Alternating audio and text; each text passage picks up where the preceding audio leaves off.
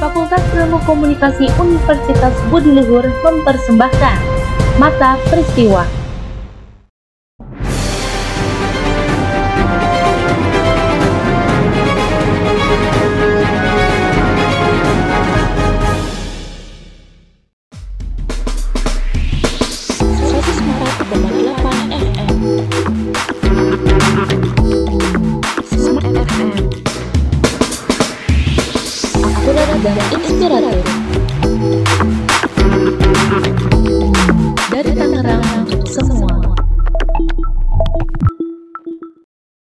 Selamat pagi para pendengar Smart FM di mana pun Anda berada. Jumpa lagi dengan saya Merlina dalam Mata Peristiwa News Pagi. Sejumlah berita hangat telah kami siapkan untuk Anda di pagi hari ini. Di antaranya, lonjakan COVID-19 di Kudus mencapai 30 kali lipat sepekan terakhir. Juru bicara penanganan COVID-19 Wiku Adhisa Smito menyatakan, kasus COVID positif di Kudus, Jawa Tengah naik hingga 30 kali lipat dalam kurun waktu satu pekan terakhir. Kondisi ini berdampak pada keterisian rumah sakit yang mencapai 90%. Lonjakan kasus positif COVID-19 di Kudus terjadi karena perayaan tradisi ziarah dan kupatan yang dilakukan warga selama tujuh hari pasca lebaran. Menurut Wiku Adhisa Smito, juru bicara penanganan COVID-19, Kudus mengalami kenaikan kasus positif secara signifikan dalam satu minggu, yaitu naik lebih dari 30 kali lipat dari 26 kasus menjadi 929 kasus. Hal ini menjadikan kasus aktif di Kudus sebanyak 1.280 kasus, atau 21,48 persen. Dari total kasus positifnya, ini adalah angka yang cukup besar, bila dibandingkan dengan kasus aktif nasional yang hanya 5,47 persen. Adanya kenaikan kasus positif ini menyebabkan keterisian tempat tidur, ruang isolasi, dan ruang ICU. Rujukan COVID-19 mengalami kenaikan tajam, bahkan pertanggal 1 Juni. Lebih dari 90% seluruh tempat tidur terisi. Ini adalah kondisi yang sangat memprihatinkan, Didapatkan keadaan ini terjadi sebagai dampak adanya kegiatan wisata religi berupa ziarah serta tradisi kupatan yang dilakukan oleh warga Kudus selama tujuh hari pasca lebaran. Kudus zona merah, satu desa lakukan lockdown lokal. Di Kabupaten Kudus, Jawa Tengah, Bupati Kudus mengeluarkan surat edaran agar di rumah saja selama dua akhir pekan. Aktivitas yang berpotensi mengumpulkan warga tidak diizinkan untuk digelar selama akhir pekan ini, termasuk rumah makan dan warung kopi untuk tidak menerima layanan makan di tempat. Lonjakan kasus COVID-19 yang terjadi pasca libur lebaran dan hingga kini belum ada penurunan angka COVID-19. Menteri Kesehatan Budi Gunadi Sodikin kemarin mengunjungi Rumah Sakit Umum Daerah Lukmono Hadi Kabupaten Kudus, Jawa Tengah untuk mengecek langsung penanganan rumah sakit terhadap pasien COVID-19 yang terus melonjak. Menteri Kesehatan menyebut bantuan sudah dikirim dari pusat di antaranya ventilator tenaga kesehatan, alat tes antigen, serta vaksin untuk membantu Kabupaten Kudus menekan angka COVID-19. Menurut Budi Gunadi Sodikin, Menteri Kesehatan Republik Indonesia, kita sudah kirim sekitar 30 ventilator ke sini, 50.000 swab antigen supaya lebih banyak yang dites takutnya positif semua. Kemudian, kita udah kasih 50.000 vaksin lainnya dan kita lihat juga ada butuh tenaga dokter sama tenaga perawat kita udah bicara sama ID dan nanti insya Allah akan dibantu. Akibat lonjakan kasus COVID-19 di Kudus, petugas mulai kewalahan. Meningkatnya jumlah pasien COVID-19 di Kabupaten Kudus, Jawa Tengah membuat para tenaga medis Banuang yang terpapar COVID-19 bahkan tingginya angka kematian juga membuat relawan pemakaman khusus COVID-19 kewalahan. 20 orang relawan pemakaman COVID-19 di Kabupaten Kudus harus pintar mencari celah di antara waktu bekerja mengurus jenazah COVID-19 mulai dari proses pemusaran jenazah di rumah sakit Waktu istirahat para relawan memang semakin sulit dicari pasca libur lebaran karena meningkatnya jumlah pasien COVID-19 yang meninggal dunia. Sementara itu, Membludaknya pasien COVID-19 di Kudus juga berdampak pada kesehatan para tenaga medis. Sampai dengan hari Minggu, ada 142 tenaga kesehatan yang terpapar COVID-19. Keluhannya, berbeda-beda di antaranya infeksi pernafasan dan infeksi pencernaan. Menurut Andini Aridewi, juru bicara Satgas COVID-19 Kabupaten Kudus, yang terpapar itu 16 dirawat dan di antaranya 126 orang isolasi mandiri. Untuk update data yang kemarin dan hari ini kami dapat informasi ada penambahan nakes yang terpapar lagi. Hingga hari Minggu, jumlah COVID-19 di Kabupaten Kudus mencapai 7.458 kasus, 1.198 di antaranya kasus aktif sementara pasien meninggal mencapai 616 orang. Angka tertinggi kematian terjadi pada hari Jumat kemarin dengan jumlah 23 orang dalam sehari. Sebelum masuk ke topik berita selanjutnya, ada baiknya kita jeda dulu. Jangan ke mana-mana, tetap stay tune di 104,8 FM, akurat dan inspiratif. Dari Tangerang untuk semua.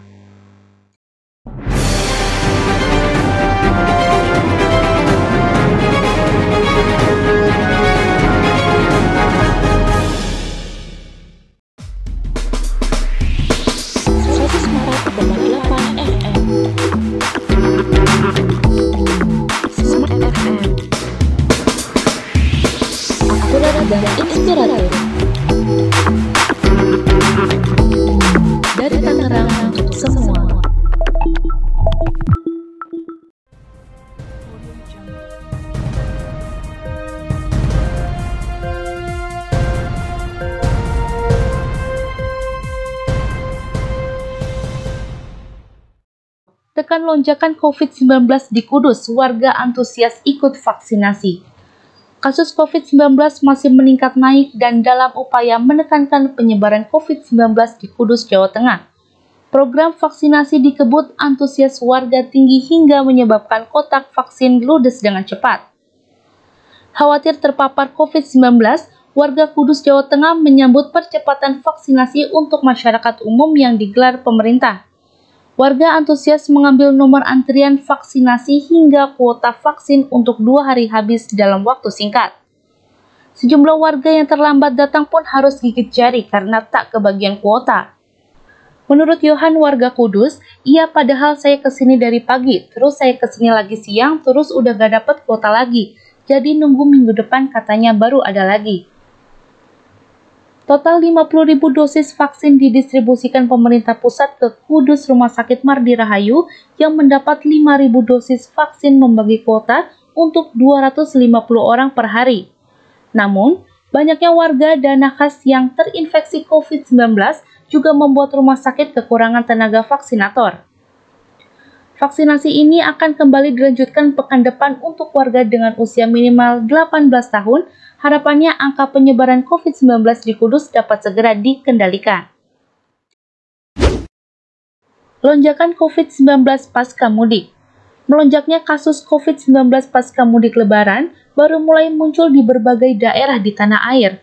Rumah sakit darurat COVID-19 Wisma Atlet Kemayoran Jakarta Pusat kebanjiran pasien. Dalam seminggu terakhir, tercatat hampir 4.000 pasien antrian bus sekolah pengantar pasien COVID-19 yang berjajar di Rumah Sakit Darurat COVID-19 di RSDC Wisma Atlet Kemayoran Jakarta Pusat pada Kamis siang. Banyaknya antrian ambulans serta banyaknya pasien yang masuk ke unit gawat darurat membuat RSDC mengaktifkan tower 4, 5, dan 6 sebagai tempat pendaftaran pasien baru dalam satu minggu terakhir yang tercatat pasien yang masuk ke RSDC Wisma Atlet sebanyak 3.626 atau hampir 4.000 pasien dengan keterisian menjadi 60,40 persen. Pasien terbanyak berasal dari klaster keluarga di wilayah Jakarta Timur. Pemerintah Kota Semarang membatasi penerimaan pasien positif COVID-19 asal Kudus Demak Pati dan gerombongan untuk dirawat di rumah sakit di Kota Semarang. Tingginya kasus yang menyebabkan sejumlah rumah sakit dan rumah karantina di kota Semarang penuh dari 22 rumah sakit dan rumah karantina COVID-19 di kota Semarang pada hari Kamis. Kapasitas tempat tidur sudah terisi lebih dari 81,63 persen. Dari 1070 orang yang dirawat, 55% pasien merupakan warga kota Semarang. Sisanya, 45% berasal dari luar kota. Saat ini, rumah sakit dilarang menerima pasien COVID-19 asal luar kota, kecuali dalam kondisi berat yang membutuhkan perawatan di ruang ICU dan ventilator. Lonjakan kasus COVID-19 juga terjadi di Garut, Jawa Barat. Saudara, ruang isolasi dan perawatan pasien COVID-19 yang bergejala sedang dan berat di RSUD Dr. Slamet Garut saat ini sudah terisi 70%. Untuk mencegah kekurangan tempat isolasi dan perawatan, pemerintah Kabupaten Garut akan menambah 100 tempat tidur untuk pasien COVID-19. Selain itu, pemerintah juga menambah tempat isolasi di empat puskesmas, yakni puskesmas di Kecamatan Cibatu, Kecamatan Cilawu, Kecamatan Kadunggora, dan Kecamatan Cisungrupan. Sedangkan untuk pasien tanpa gejala telah disediakan 125 tempat tidur di Rusun dan Islamic Center. KPI minta pembelajaran tatap muka dikaji lagi. Komisi Perlindungan Anak Indonesia menyebut 20,46 persen sekolah belum siap melakukan pembelajaran tatap muka atau PTM Juli mendatang. KPI juga meminta pemerintah mengkaji kembali kebijakan mengizinkan anak sekolah tatap muka karena masih tingginya angka kematian anak akibat COVID-19. Menurut KPAI, informasi dari Kementerian Kesehatan yang menyebut bahwa kematian anak akibat COVID-19 tembus angka 40%. Harus mendapat perhatian serius, angka kematian anak ini bahkan tertinggi se-Asia Pasifik pada waktu sebelum masa lebaran pemerintah harus mempertimbangkan angka ini dalam mengambil kebijakan pembelajaran tatap muka Juli mendatang. Terkait masih lebih dari 20% sekolah yang belum siap melakukan pembelajaran tatap muka. KPI pun memberikan sejumlah rekomendasi mulai dari mengharapkan pemerintah daerah jujur dengan data COVID-19. Mereka mendorong dukungan lokasi anggaran pusat serta daerah untuk menyiapkan PTM dan berlangsungnya pendidikan selama pandemi hingga KPI juga mendorong Dinas Pendidikan dan Kesehatan di daerah untuk melakukan nota kesepamahaman terkait pendampingan sekolah dalam pembelajaran tatap muka. Menurut Jasra Putra, Komisioner KPAI, selama ini hanya sekolah saja, hanya komite saja, hanya internal sekolah ya, kalau sekarang tidak bisa seperti itu lagi gitu ya. Dinas Kesehatan terlibat, Dinas Perhubungan juga terlibat, Dinas Pemberdayaan Perempuan Perlindungan Anak juga terlibat dari dukungan psikis, anak, dan termasuk juga keluarganya. Sebelum masuk ke topik berita selanjutnya, ada baiknya kita jeda dulu. Jangan ke mana-mana, tetap stay tune di 104,8 FM, akurat dan inspiratif. Dari Tangerang untuk semua.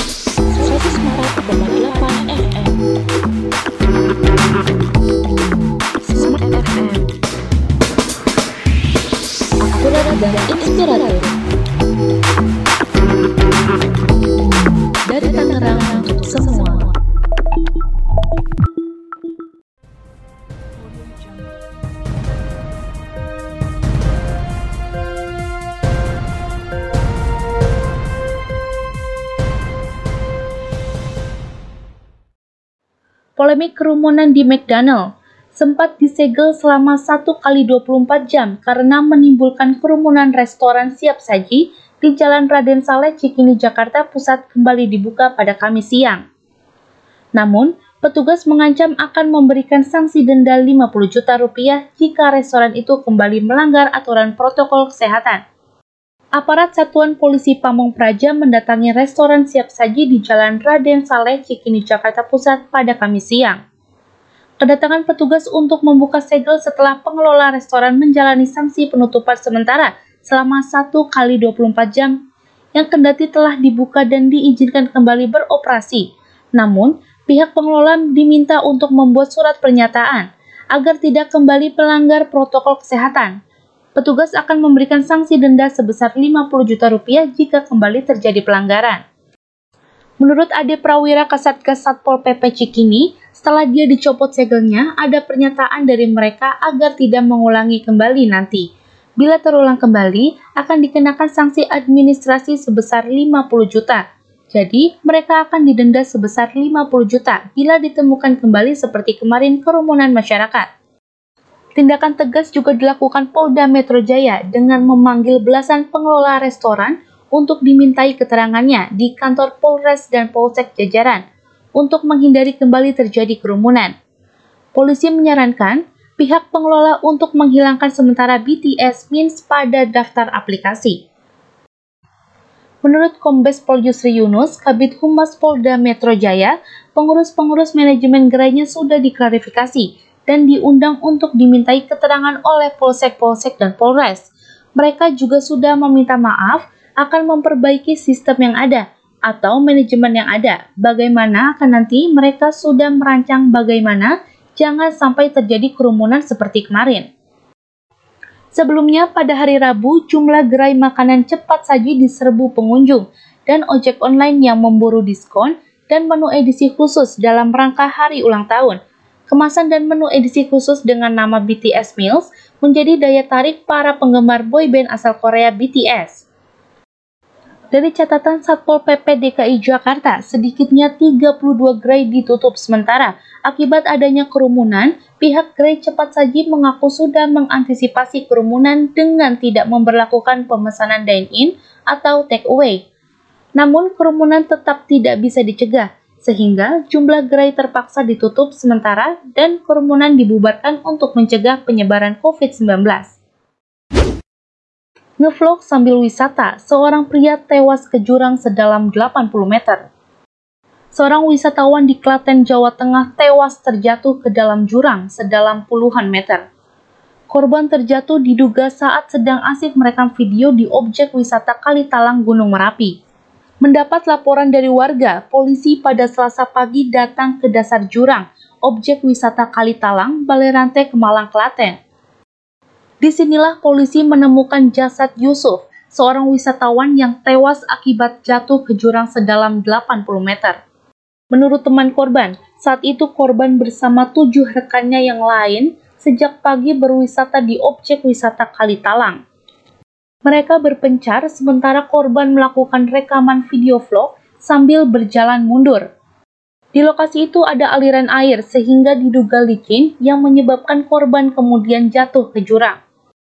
Menurut AKP Soeharto Kapolsek Kemalang, dua korban sebelumnya melakukan ngevlog dengan posisi berjalan mundur sehingga tidak tahu di belakangnya ada jurang atau tidak. Saat terpleset ke jurang, berusaha ditolong oleh saksi tapi gak bisa. Selanjutnya menurut Jainu warga desa Balerante, mereka sampai lokasi itu sekitar jam 6 pagi. Mereka kemudian berpencar dari 8 orang itu ada yang tiduran dan ada yang jalan-jalan. Kemudian yang si korban itu katanya ngevlog atau apa gitu, ambil video jalan mundur pas di kali talangnya. Di situ kan masih ada air mengalir kecil, itu jadi terpleset.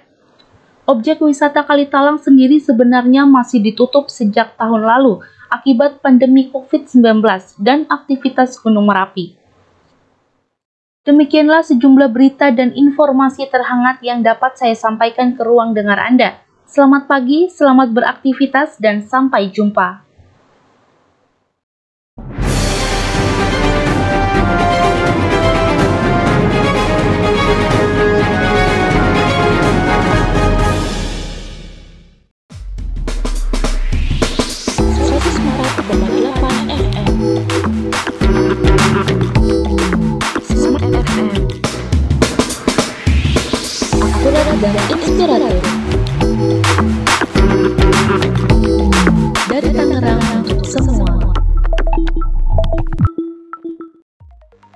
Ini adalah tim kerja kelompok B.